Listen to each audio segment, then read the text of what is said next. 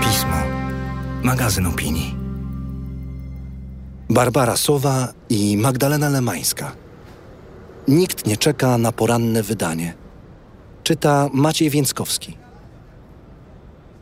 Słuchasz tekstu opublikowanego na łamach miesięcznika Pismo, magazyn opinii. Na stronie magazynpismo.pl znajdziesz więcej inspirujących treści, także w wersji audio. Wykup prenumeraty, aby zyskać dostęp do wszystkich artykułów, ilustracji i nagrań. Tabloid wygrał w sieci, ale dla poważnego dziennikarstwa i wydawców prasy jest jeszcze nadzieja. Gdyby chcieć wystawić nagrobek wszystkim polskim tytułom prasowym, które zakończyły swój żywot w ciągu ostatnich trzech dekad, to warszawskie Stare Powązki miałyby nie jedną, ale kilka alei zasłużonych.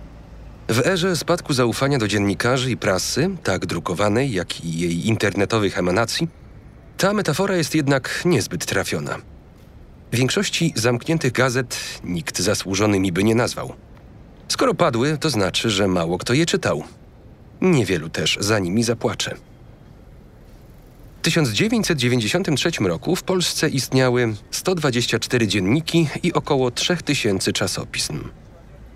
W zeszłym roku w bazie Związku Kontroli i Dystrybucji Prasy ZKDP wszystkich zarejestrowanych tytułów prasowych było zaledwie 197.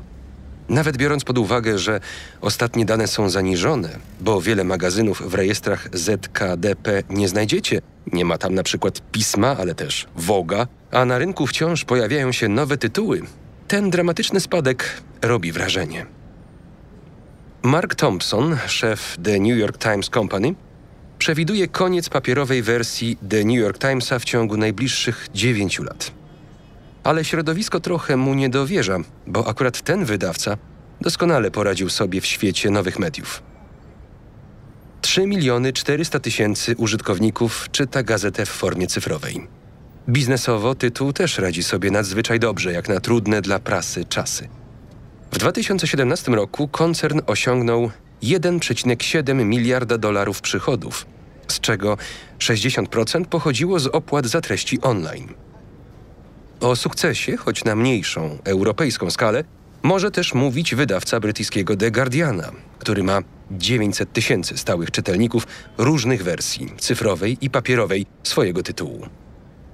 Dobrowolne datki na jego otwartą, bez konieczności podawania hasła, stronę www stanowią już 12% wszystkich przychodów.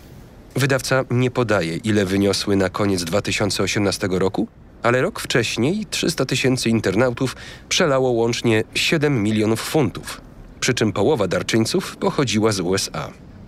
Tyle o krajach anglosaskich, które są rynkiem większym i bogatszym, także w tradycje czytelnicze.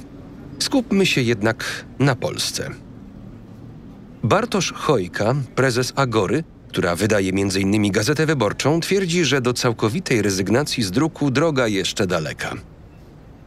Kiedy drukowanie gazet przestanie się opłacać? Na pewno nie w ciągu najbliższych pięciu lat, czyli nie w perspektywie, w jakiej konstruujemy swoje strategie, mówi Chojka.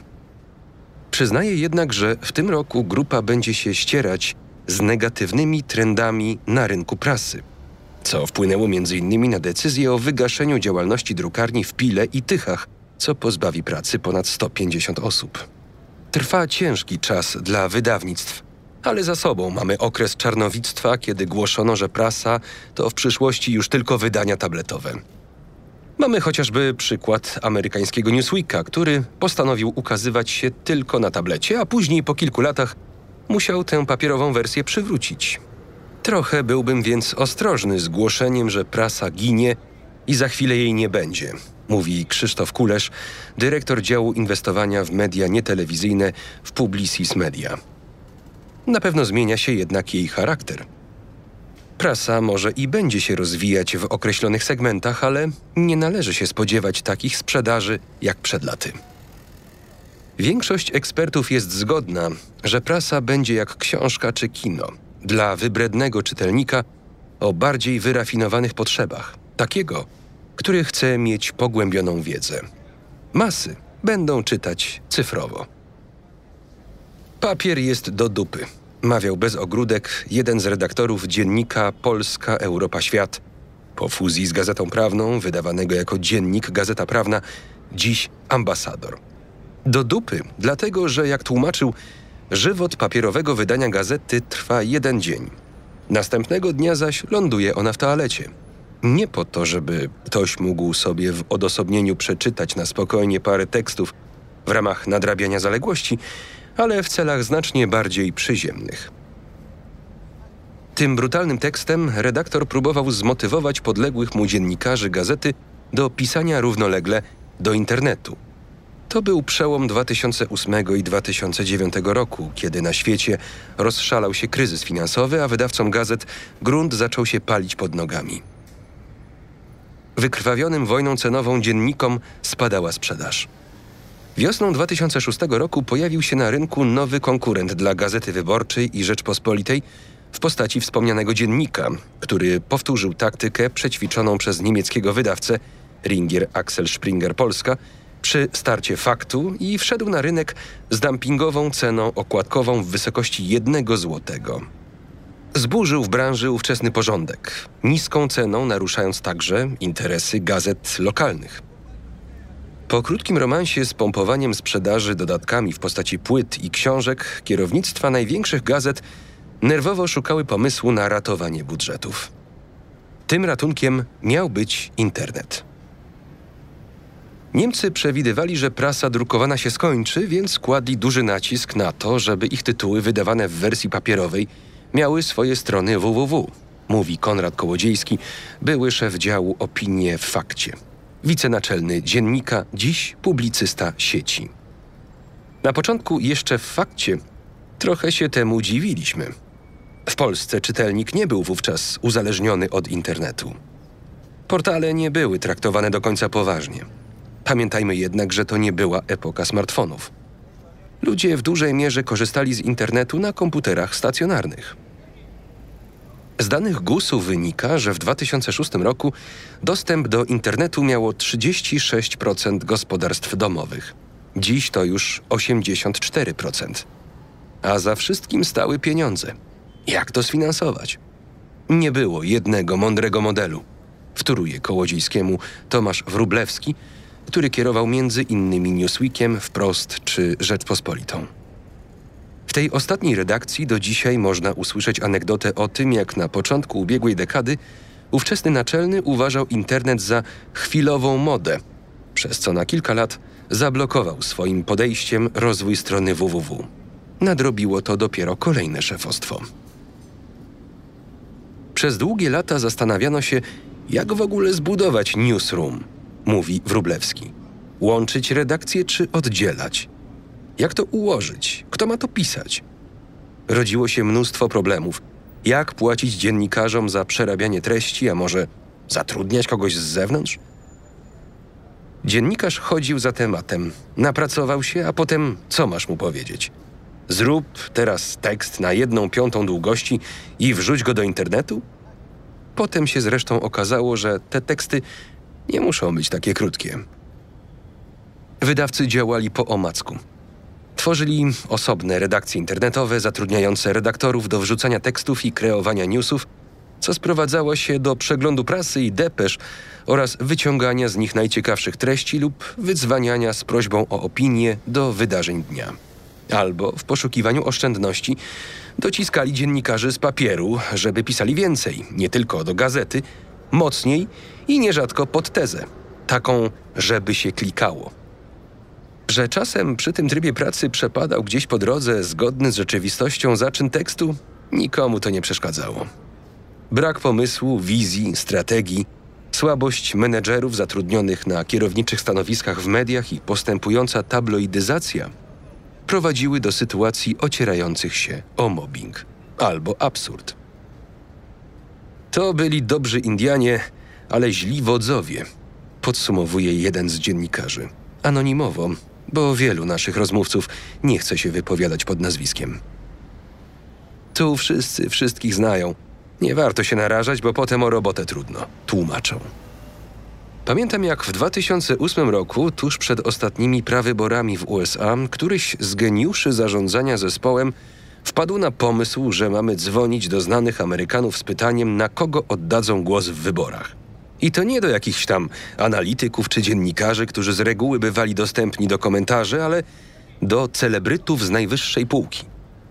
Do wydania na kolejny dzień oczywiście, więc do Nowego Jorku można było zacząć dzwonić dopiero około godziny 15, do Los Angeles koło 18.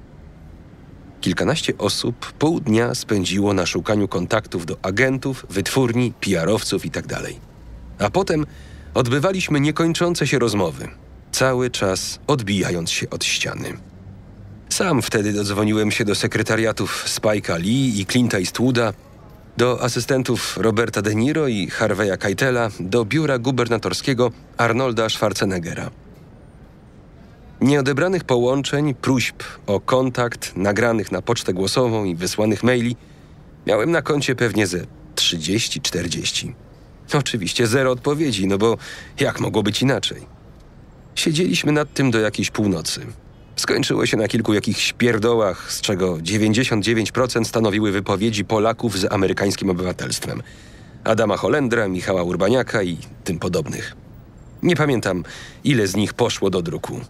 Wspomina jeden z byłych dziennikarzy dziennika i dodaje, że takich sytuacji było więcej.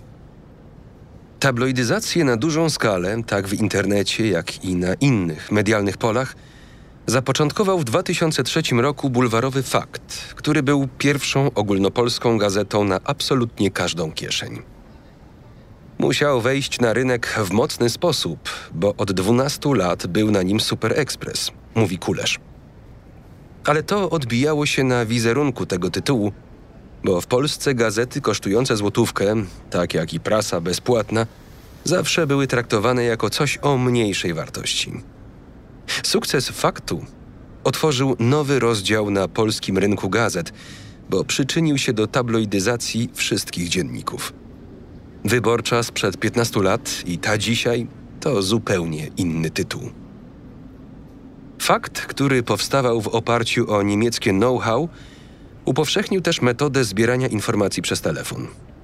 Zanim przyszedłem do faktu, byłem przyzwyczajony, że po kolegium dziennikarze rozbiegali się po mieście, do Sejmu, sądu czy urzędów, mówi Kołodziejski. Tu jednak dziennikarze pisali wiele krótkich tekstów i szkoda było czasu na spotkania, rozmowy w cztery oczy. Rezultatem było spłycenie materiałów. Nierzadko dzwoniło się z pytaniami pod tezę, często do ludzi, których opinie było łatwo z góry przewidzieć. To wypaczyło rozumienie dziennikarstwa. Dziś ta metoda pracy jest dość powszechna w mediach elektronicznych. Nie wymaga dużej wiedzy i pozwala szybko, a więc tanio, produkować kolejne teksty. Podczas gdy prasa toczyła wojny cenowe i eksperymentowała albo kopiowała na ślepo wzorce z portali internetowych, te umacniały się w rankingach. Biorąc pod uwagę, że największe polskie portale, jak Onet czy Wirtualna Polska, nigdy nie miały gazet, a to właśnie między innymi na sprzedaży newsów zbudowały swoją potęgę, możemy chyba powiedzieć, że prasa przegrała bitwę z internetem, mówi Wrublewski. Jeśli miarą miałaby być liczba użytkowników poszczególnych serwisów, to tak jest na pewno. Jest pewna wina i wydawców, i organizacji, które ich zrzeszają i wspierają, takich jak Izba Wydawców Prasy i Polskie Badania Czytelnictwa, w tym, że nikt nie wziął się w odpowiedniej chwili za stworzenie jakiejś szerszej strategii rozwoju prasy w Polsce, twierdzi Kulesz. Trzeba się było na przykład wcześniej zastanowić, czy prasa nie powinna pobierać pieniędzy za swoje treści w sieci. Błąd wydawców prasy polegał na tym, że nie nauczyli się odpowiednio wcześniej tych treści do internetu filtrować, a innych na przykład odsprzedawać. Wrzucali do sieci wszystko i za darmo, przez co pojawiło się powszechne przekonanie, że skoro internet jest za darmo, to po co płacić za prasę? I darmowy internet kwitł. W 2006 roku, czyli 10 lat od startu, Onet miał już prawie 9,4 miliona użytkowników miesięcznie i przegrywał w rankingu tylko z Google. Zaraz za nim była Wirtualna Polska 8,4 miliona odwiedzin na liczniku. Dziś grupa WP wysunęła się na prowadzenie. Jej portale, według danych Gemius PBI z lutego 2019 roku, Łącznie odwiedzają miesięcznie już ponad 22 miliony internautów. Pamiętam czasy, gdy nie mieliśmy odpowiednich narzędzi analitycznych, a w związku z tym bladego pojęcia, co się klika, kto klika, gdzie klika itd. Tak nie znaliśmy czytelnika ani jego preferencji. Nie używaliśmy tabloidowego języka, nie było krzykliwych tytułów i pojęcia clickbait. Dzisiaj myślę, że wiele w tym wszystkim było eksperymentowania i jak to z eksperymentami bywa, nie wszystkie wypaliły, twierdzi Joanna Skrzypczak, która do WP trafiła w 2000 roku. Wcześniej pracowała jako dziennikarka Gazety Wrocławskiej. Obecnie pracuje w dziale IT i uczy dziennikarstwa w prywatnej szkole na Florydzie. Przyznaje, że w tamtych czasach na rynku medialnym portale i dziennikarze internetowi nie byli traktowani poważnie. Jako zespół mieliśmy poczucie, że o lata świetlne wyprzedzamy rzeczywistość i zaczynamy tworzyć przyszłość mediów. Ale przez branżę przez długi czas nie byliśmy traktowani na równi z dziennikarzami papierowymi, telewizyjnymi czy radiowymi. Zresztą, gdy wyjeżdżałam na Florydę w 2011 roku, to chyba nadal nie byliśmy, mówi Skrzypczak. WP to była ciekawostka, wspomina Wrublewski. Jeszcze przez kilka kolejnych lat internet był traktowany w Polsce przez papier jako coś wtórnego. Coś, co wypada mieć, aby być uznawanym za nowoczesne medium, ale pieniądze były z tego mizerne. Nawet ludzie zatrudnieni do pozyskiwania reklam zazwyczaj byli początkującymi pracownikami bez żadnego doświadczenia. Wróblewski twierdzi, że gdy wydawcy w końcu zrozumieli, że internet to przyszłość i chcieli inwestować w online, świat reklamy stanął okoniem. To agencje i domy mediowe były konserwatywne i wolały dawać reklamy do papieru zamiast do internetu.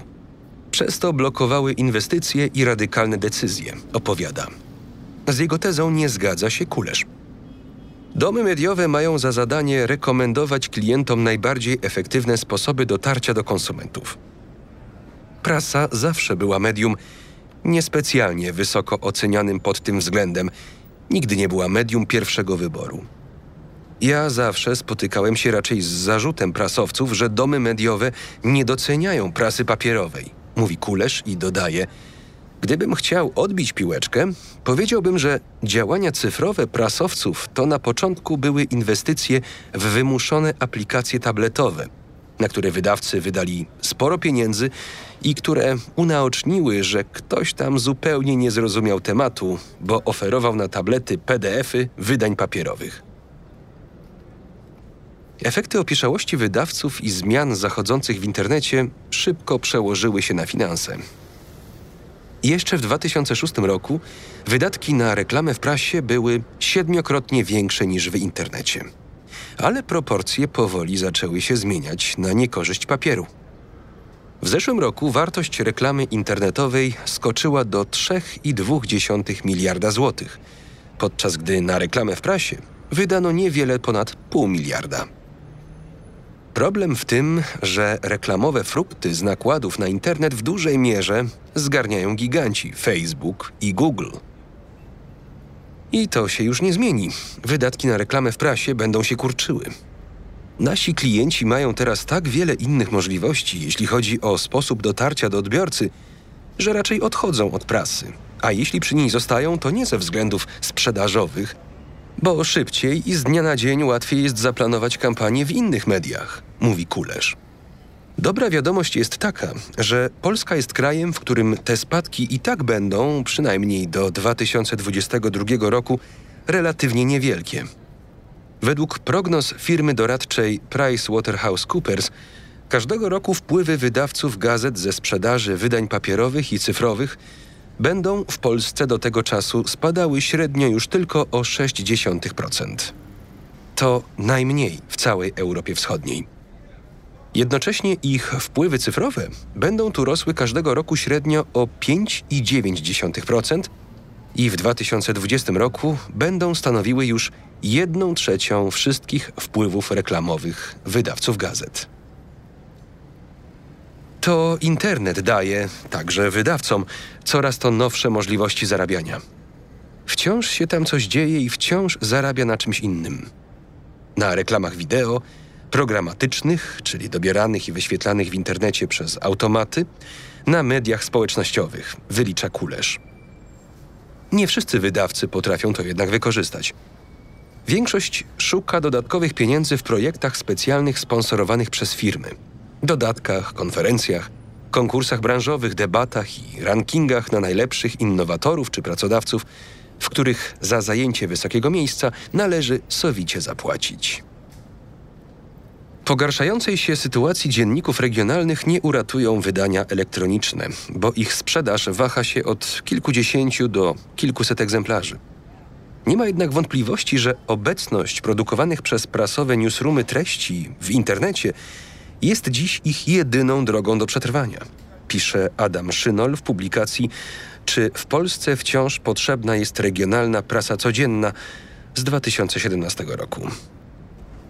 W cieniu problemów gazet ogólnopolskich, które przechodziły zawirowania finansowe i własnościowe, właściciela zmieniły Dziennik i Rzeczpospolita, ale za którymi zawsze stał jakiś kapitał, rozgrywał się jeszcze większy dramat w regionach.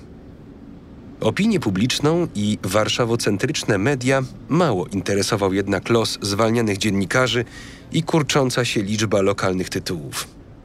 Aż do kampanii wyborczej i przejęcia władzy przez Prawo i Sprawiedliwość, które z repolonizacji mediów uczyniło nośne dla swojego twardego elektoratu hasło programowe.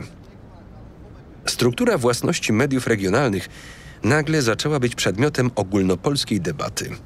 Nikt nie miał wątpliwości, że to jedynie pretekst, bo ustawa repolonizacyjna to tak naprawdę straszak na wydawców i właścicieli ogólnopolskich stacji i gazet krytykujących PiS. Przykład prasy regionalnej był jednak politycznie idealny, bo w żadnym innym sektorze mediów informacyjnych pozycja zagranicznego gracza nie była tak silna jak tu. Zaledwie 4 z 24 dzienników, ale stricte regionalny i znaczący tylko jeden, Gazeta Olsztyńska, nie należą dziś do niemieckiego wydawcy. Grupa Polska Press, która sukcesywnie od lat 90. ubiegłego wieku skupowała lokalne gazety, miała w 2016 roku 30,3% udziałów w wydatkach reklamowych brutto na reklamę największych wydawców gazet w kraju. Pod uwagę brani byli Agora, Ringier Axel Springer Polska, czyli wydawca faktu i przeglądu sportowego oraz Gremi Media, właściciel Rzeczpospolitej i parkietu. Polskie dziennikarstwo, lokalne czy krajowe, toczy ten sam problem finanse, przyznaje Artur Ratuszyński, do niedawna dziennikarz Kuriera Szczecińskiego, w którym pracował od 1993 roku. Większość redakcji jest za biedna, żeby fikać władzy. Pamiętam czasy, gdy mogłem napisać 98 tekstów krytycznych wobec jednego z wiceprezydentów miasta, z których większość kończyła się konstatacją powinien odejść. Dziś to byłoby niemożliwe. Nie ma takiego medium, które stać na to, by rok żyć bez środków publicznych. Nie ma pieniędzy gwarantujących niezależność. Przykład kuriera jest ciekawy również dlatego, że to jeden ze wspomnianych czterech regionalnych dzienników, które nie należą do Polska Press. Gazeta jest własnością dziennikarzy. Po likwidacji robotniczej spółdzielni wydawniczej Prasa Książka Ruch założono dla niej spółdzielnię. Po roku pracy zostałem przyjęty w poczet członków spółdzielni i dostałem swoje udziały, opowiada Ratuszyński. Potem spółdzielnia została przekształcona w spółkę, bo jej członkowie zorientowali się, że z każdym nowo przyjętym pracownikiem trzeba się będzie dzielić tortem. Gdy Ratuszyński odchodził, spółkę tworzyło kilkadziesiąt osób, z których każdy miał po 3 do 4,5% udziałów. Zbudowanie większości do zarządzania firmą było strasznie trudne. Gdy z propozycją zakupu kuriera przyszli Norwegowie, z Orkla Media, niegdysiejszego konkurenta Polska Press, nawet połowa udziałowców nie zagłosowała za opowiada dziennikarz. Jedni bali się o pracę, wszędzie tam, gdzie wchodził zagraniczny inwestor, z czasem zaczynały się cięcia, a inni nie chcieli zmian. Poza tym kurier miał się wtedy jak pączek w maśle. Szerokim strumieniem płynęły do niego lokalne reklamy. Źródełko wyschło, gdy stocznia ogłosiła upadłość, a wraz z nią ucierpiało wiele przyległych biznesów. Kurier jest ciekawy jeszcze z jednego względu – Wydawnictwem kierowali dziennikarze. Ta sama osoba piastowała funkcję zarówno wydawcy, jak i redaktora naczelnego, co rodziło sporo problemów. Dziennikarze to nie ludzie najbardziej majętni ani myślący rynkowymi kategoriami. Brakuje im podejścia korporacyjnego, zwraca uwagę Ratuszyński. I ma rację, jak pokazuje przykład wielu, nie tylko lokalnych redakcji, to często zwyczajnie źle zarządzane biznesy, gdzie pieniądze wyciekają jak benzyna z dziurawego baku. Taka anegdota, ale dobrze ilustrująca sytuację, ciągnie były dziennikarz kuriera. Deputaty prasowe, które już w innych redakcjach były rzadkością, u nas przetrwały bardzo długo. Pamiętam, jak niektórzy mieli zaprenumerowanego Playboya z redakcyjnych pieniędzy i nie trzeba się było z tego tłumaczyć. Oszczędzano na wszystkim innym, tylko nie na strukturze. U nas nie było zwolnień. Tymczasem w mediach lokalnych w innych częściach kraju trwały w tym czasie cięcia, fuzje i bolesne zamykanie tytułów. Przykład? 305 dziennikarzy straciło pracę po połączeniu Gazety Wrocławskiej ze Słowem Polskim i popołudniówką Wieczór Wrocławia w 2003 roku. Powstała hybryda Słowo Polskie Gazeta Wrocławska, która już na starcie straciła wielu czytelników. Z danych sprzedażowych wynika, że trzy dzienniki przed fuzją łącznie sprzedawały dziennie średnio około 70 tysięcy egzemplarzy, a nowa gazeta zaledwie 45 tysięcy. Te same zachodnie koncerny, które najpierw rozruszały rynek prasy lokalnej w Polsce, doinwestowując go i unowocześniając, zaczęły go osłabiać. Działania konsolidacyjne zaczęły się od likwidacji tracących popularność popołudniówek. Były one wchłaniane przez mocniejsze dzienniki poranne należące do tego samego wydawcy, pisze Jolanta Dzierżyńska-Mielczarek w książce Rynek mediów w Polsce zmiany pod wpływem nowych technologii cyfrowych z zeszłego roku. I podaje przykład fuzji Echa Krakowa z Gazetą Krakowską w 1997 roku, czy Dziennika Bałtyckiego i Wieczora Wybrzeża cztery lata później. Jej zdaniem jednym z ważniejszych czynników, który doprowadził do likwidacji wielu dzienników regionalnych i lokalnych, było wprowadzenie w 1999 roku nowego administracyjnego podziału kraju. Według danych Izby Wydawców Prasy w 2000 roku wydawano w Polsce 44 dzienniki regionalne i lokalne, a w 2016 zaledwie 24. W 1990 roku łączny nakład gazet wynosił w Polsce 1,37 miliarda egzemplarzy, a w 2016 574,5 miliona egzemplarzy. Odpowiedzią na słabnięcie prasy regionalnej było tworzenie regionalnych mutacji gazet codziennych, w czym najbardziej konsekwentna okazała się Gazeta Wyborcza. Ratuszyński jest od dwóch lat poza dziennikarstwem. Prowadzi własną agencję PR, w kurierze przeszedł różne działy i pozycje – od reportera przez kierownika działu miejskiego po szefa strategii obecności w mediach społecznościowych. Twierdzi, że specyficzna struktura właścicielska miała swoje dobre i złe strony. Nie było sytuacji, w której stwierdzilibyśmy nie damy rady. Rozproszony akcjonariat dawał stabilność i odporność na polityczne zakusy. My nie mieliśmy barw politycznych ani linii. Ale jak się ten rozproszony akcjonariat zestarzał, to przestał reagować na potrzeby zmian.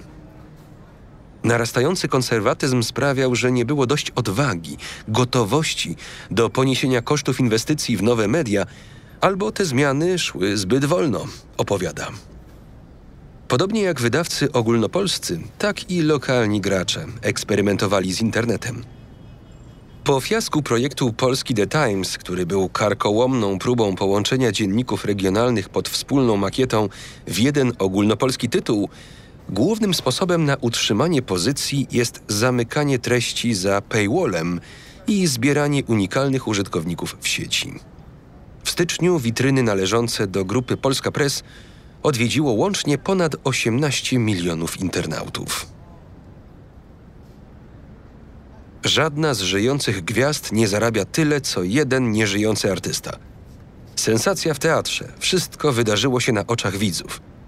Nowotwór lubi ludzi, którzy tego nie robią. To tylko kilka przykładów tytułów z różnych serwisów zebranych na fanpage'u Clickbait po polsku.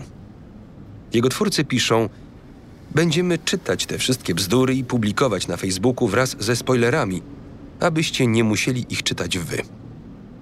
I rzeczywiście, wraz z linkami ujawniają w postach to, co redaktorzy portali tak skrzętnie chcieli ukryć. Nie musisz klikać, by się dowiedzieć, że wspomniany artysta to Michael Jackson. W teatrze zorganizowano oświadczyny, a w newsie z nowotworem chodzi o sen.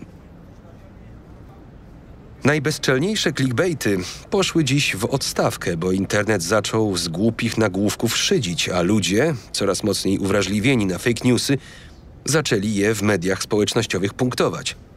Ale zasada zakładająca, że twist, zagadka, tajemnica, haczyk w tytule tekstu w internecie musi być, pozostaje aktualna. Definicyjnego clickbaitu, oznaczającego nagłówki kierujące do treści, które nie mają nic wspólnego z tytułem, u nas nie ma. Co innego tytuły, które zachęcają do kliknięcia. Oczywiście mamy zestaw reguł, minimalizujemy klisze w stylu mocne słowa, szokująca decyzja i unikamy zaimków, ale rzeczywiście publikujemy tytuły nie ujawniające całej treści materiału. Przyznaje Tomasz Machała, współzałożyciel serwisu na temat, obecnie wiceprezes WP do spraw wydawniczych. Wielkie tragedie, wielkie sukcesy, wypadki i pogoda. To się czyta. Redaktorzy, z którymi rozmawialiśmy, przyznają, że gwarantem klikalności jest news o promocji w Biedronce czy tematyka mieszkaniowa. Prawie każdy Polak marzy o byciu rentierem i życiu z opłat za wynajem mieszkań. W ubiegłym roku w dziesiątce najchętniej klikanych tekstów w serwisach WP były zarówno relacja z tragedii Himalajstów na Nanga Parbat i opis rozmowy z towarzyszącą Polakowi francuską, jak i tekst o męskich prostytutkach, wcieleniówka o swingersach oraz zapowiedź burzy o strukturze kipiącego kisielu, która nadciąga nad Polskę. Internetowy dziennikarz rozliczany jest z tego, jak dobrze czytają się teksty powstałe na jego dyżurze czy w jego portalu. Nie szuka więc tematu, kierując się przede wszystkim jego wagą, tylko takiego, który zapewni odpowiednią klikalność i baz, zainteresowanie w mediach społecznościowych, bo to rodzi szansę na jeszcze większe audytorium. Stąd infantylne newsy powielające twitterowe wpisy niedouczonych polityków i wiadomość dnia o milionerze, który zmarł na zawał w czasie operacji powiększania penisa. Jeśli się dobrze nad tym zastanowić, nawet gdy mówimy o newsach politycznych, ten model dbania o zawartość informacyjną portali właściwie nie ma z dziennikarstwem nic wspólnego. Ale wpływ na czytelnika i owszem, a nawet pogłębia jego zaangażowanie w czytanie byle czego. TLDR z angielskiego Too Long Didn't Read, czyli za długie nie czytałem, to choroba całego internetu. Na początku zdecydowana większość treści w portalach była przerabiana z innych źródeł. Głównie Polskiej Agencji Prasowej, Informacyjnej Agencji Radiowej i agencji zagranicznych. Treści własnych było wówczas jak na lekarstwo. Załogę portali stanowili w dużej mierze młodzi ludzie, którzy dopiero zaczynali pracę w dziennikarstwie. Kwitła tak zwana portaloza. To jest taka choroba, w której każdy przepisuje od każdego, tłumaczy nam redaktor faktu tyczy się głównie portali internetowych, ale nie tylko. Jeden serwis zerżnie z australijskiej gazety wstrząsającą historię kangura z muskułami jak u Schwarzeneggera i za chwilę masz to wszędzie. W efekcie dochodziło do kuriozalnych sytuacji. Gazeta puszcza newsa, który kosztował jego dziennikarzy kilka tygodni pracy, ale kliki, a więc i pieniądze z reklam, zbija na nim internetowa konkurencja, która tekst omówiła, opatrując go lepszym tytułem i dorzucając SEO pozycjonowanie w Google. Przychodzę na kolegium i pytam: Czym waszym zdaniem żyje Polska? Bo według mojego Instagrama tym i tym, mówi Machała. Albo Zobaczmy, co się dziś dzieje w najważniejszym dzienniku w kraju i wyciągam fakt. Chcę w dziennikarzach wywołać reakcję szokową i uzmysłowić, że świat, który znają i cenią, nie jest światem większości użytkowników WP. To brutalna intelektualna prowokacja, ale przynosi efekty, dodaje. WP to idealny przykład obrazujący funkcjonowanie nowoczesnego newsroomu internetowego i roli dziennikarza w takim organizmie. Interesuje nas wyłącznie kultura popularna. Zenek Martyniuk, Oskary, telenowele i teleturnieje. Dziennikarstwo śledcze? Tak, ale pod warunkiem, że dziennikarz będzie pisał dla nas jeden, dwa teksty dziennie. Ktoś, kto pracuje trzy miesiące nad materiałem, nie ma racji bytu w redakcji internetowej. To jest szybko produkująca fabryka, dodaje Machała.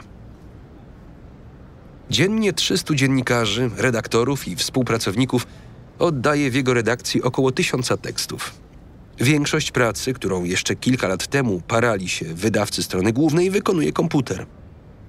Wydawca decyduje dziś o 11 pozycjach na stronie głównej, a pozostałe są obsadzane za pomocą algorytmów. Wysyłając tekst na stronę główną, autor proponuje cztery alternatywne tytuły i kilka zdjęć. System próbkuje wszystkie, mierzy ich klikalność i wybiera ten najpopularniejszy.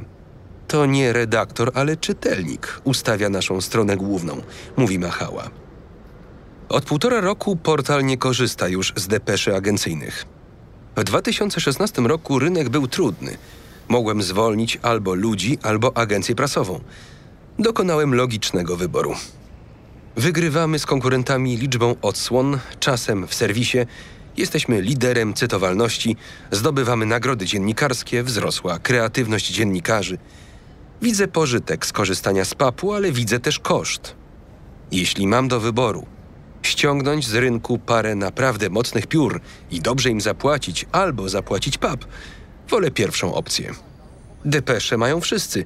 Teksty świetnego dziennikarza mam tylko ja, opowiada Machała.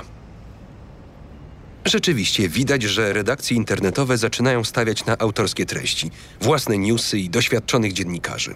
Coraz częściej zdarzają się transfery z telewizji czy gazety do internetu. Kiedyś ten proces zachodził tylko w jedną stronę.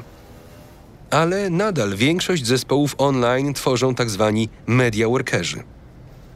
To nie są ludzie inni od tych, którzy przychodzili na staże do mediów prasowych lata temu. To studenci dziennikarstwa, polonistyki, politologii, historii. Sęk w tym, że w mediach prasowych Dziennikarze po pewnym czasie zaczynali się jakoś specjalizować, wyrabiać sobie nazwisko, a w internecie tak to nie działa. Słyszymy od redaktora z grupy na temat z doświadczeniem prasowym. Nie sprzyja temu dyżurowy system pracy. Na dyżurze internetowy reporter wciąż często jest odpowiedzialny tematycznie za wszystko – Miarą jego talentu nie jest, jak to bywa w gazecie, własny, unikalny temat, ale szybkość działania w obrobieniu tego, co wypluwają z siebie agencje informacyjne na całym świecie. Oraz lokalna konkurencja. Portale mogą lecieć na studencie, bo wielkiej filozofii w tym, żeby zagregować newsa na podstawie Twittera nie ma. Z każdego tweeta, pierdnięcia w sieci byle polityka czy celebryty robi się tekst, aby tylko był na ostro. W gazecie by to nie przeszło, słyszymy od naszych rozmówców. Choć wielkie internetowe newsroomy z czasem także postawiły na wyspecjalizowanych dziennikarzy z ich kontaktami i własnymi wnioskami, zrobiły to późno i niechlujnej internetowej kultury pracy nie dało się, jak na razie, wyplenić. Na konferencji, na której Agora poinformowała o zamknięciu dwóch drukarni, Jednocześnie pochwaliła się, że ma już 170 tysięcy subskrybentów swojej cyfrowej bazy tekstów z Gazety Wyborczej i innych magazynów. To najlepszy taki wynik w kraju i nie tylko. 170 tysięcy cyfrowych subskrypcji plus 100 tysięcy sprzedanych papierowych egzemplarzy robi na mnie ogromne wrażenie. To wynik porównywalny z The Times i lepszy niż Le Monde, mówi Krzysztof Kulesz. Liczba tych subskrypcji zasypuje spadki sprzedaży wydania papierowego. Widać więc, że Agora zaczęła myśleć o sobie nie jako o wydawcy papierowym, ale jak o medium, które może dziś być konsumowane w przeróżny sposób, w zależności od wymagań czytelnika, odpowiadający dzisiejszym czasom i wymaganiom, dodaje. Ale prawdziwa przyszłość masowych mediów jest w internecie i zdaniem ekspertów nie obejmuje już papieru. W latach 70. ubiegłego wieku Herbert Simon pisał, że w czasach nadmiaru informacji dobrem rzadkim staje się uwaga. I to, czego doświadczamy, jest tego dobrym przykładem. Coraz więcej mówi się dziś o ekonomii uwagi, mówi Dominik Batorski z Interdyscyplinarnego Centrum Modelowania Matematycznego i Komputerowego Uniwersytetu Warszawskiego oraz członek zarządu analizującej media społecznościowe spółki Sotrender. Jego zdaniem w przyszłości media będą oznaczały zarabianie nie na sprzedaży informacji, ale na opłatach za ich odpowiednie filtrowanie i porządkowanie. Siła portali społecznościowych wzięła się z tego, że umożliwiają filtrowanie do przodu. Nie prowadzą wprawdzie, jak to kiedyś robiły redakcje, selekcji materiałów na etapie publikacji, ale wskazują, na co zwrócić uwagę. Na Facebooku robią to dla nas znajomi, którzy na ogół mają podobne zainteresowania i poglądy, co sprzyja powstawaniu internetowych baniek. To jednak też już przestaje działać, dlatego że na portalach społecznościowych również jest wszystkiego za dużo. Facebook mógłby pokazywać przeciętnemu użytkownikowi od 2,5 do 3 tysięcy informacji dziennie, a obejrzeć jesteśmy w stanie może kilkadziesiąt takich postów, mówi Batorski. Nasi wydawcy prasy zapędzili się trochę pod ścianę, stosując filozofię wrzucania do internetu wszystkich informacji, z którymi nie wiadomo co zrobić.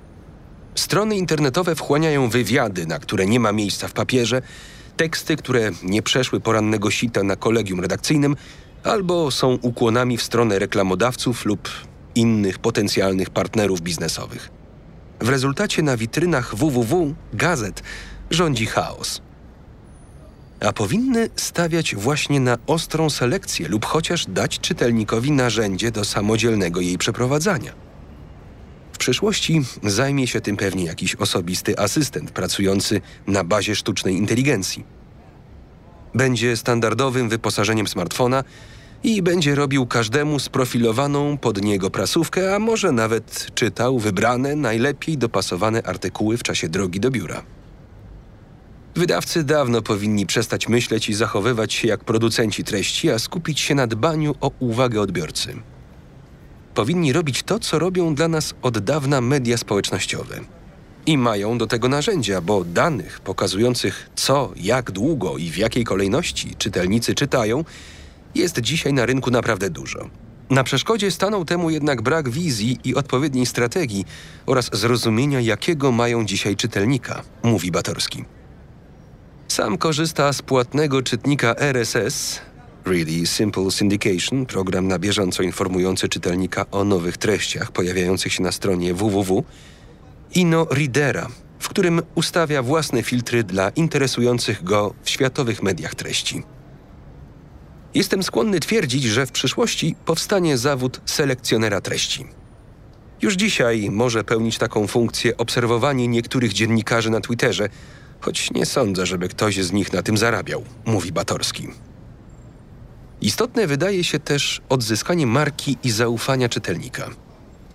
To ważne w dobie rozpowszechniania kłamstw zwanych fake newsami, baniek internetowych oraz coraz silniejszego umacniania się mediów tożsamościowych, opowiadających się po jednej stronie politycznego sporu, które bazują na emocjach i nierzadko na manipulacji. Jak śpiewa Wojciech Waglewski na najnowszej płycie WW, dziś nie kupuję gazet ani sobie, ani żonie, by nikt się nie dowiedział, po której jestem stronie. Pozostaje nam liczyć na to, że pozycja wiarygodnych mediów i dziennikarzy z wyrobionym nazwiskiem będzie rosła. Najlepszym tego dowodem jest udana reaktywacja przekroju, któremu już stawialiśmy nagrobek w prasowej Alei Zasłużonych, czy rosnące wyniki sprzedaży Tygodnika Powszechnego, który od końca 2015 roku notuje stały wzrost sprzedaży. W 2015 roku jego średnia sprzedaż wynosiła jeszcze około 19 tysięcy egzemplarzy, a w 2018 roku sięgnęła już około 27 tysięcy. Paradoksalnie pocieszający może być też fakt, że tradycyjnym wydawcom nie będzie już masowo przybywać konkurencji. Media są mało seksowne. Strasznie trudno na nich zarobić pieniądze. Trzeba dużo zainwestować, zatrudnić ludzi. Nie widzę, żeby inwestorzy rwali się do mediów. Mówi Tomasz Machała i dodaje, że jego zdaniem na temat było ostatnią znaczącą i udaną próbą wejścia nowego podmiotu na ten rynek. Już sukces tygodnika powszechnego pokazuje jednak, że kiedy w internecie wzbiera zalew byle jakości, a w polityce buzuje, wyrobiony czytelnik szuka spokoju poza głównym medialnym nurtem. Żaden z tytułów nie odnotował tu jednak na razie takiego sukcesu jak The Guardian, który wierząc w swoich odbiorców, nie zabezpieczył hasłem swojej strony www, a jedynie grzecznie namawia czytelników do drobnej donacji. Namowy działają lepiej niż niejeden paywall, a biznes online kręci się także dlatego, że The Guardian ograniczył w sieci liczbę wrzucanych newsów głównie do tych, które publikuje w papierowym wydaniu. To oszczędza mu ułożenia na media workerów i powoduje, że jego strona www nie jest, jak wiele innych, internetową choinką obwieszoną migającymi banerami i memami z chwytliwymi hasłami. Na zabetonowanym z przyczyn finansowych prasowym rynku w epoce fake newsów nawet w Polsce do łask mogą powrócić tradycyjne marki papierowych mediów, zwłaszcza te stroniące od politycznego szczucia i taniej sensacji. Thomas Jefferson twierdził, że gazety z ich mechanizmami oceniania i cenzurowania władzy są miękkim narzędziem zapobiegającym społecznym rewolucjom i chroniącym przed apodyktycznością władzy. Gdybym miał wybrać, mawiał trzeci prezydent USA, między państwem bez gazet a gazetami bez państwa, bez wahania wybrałbym to drugie.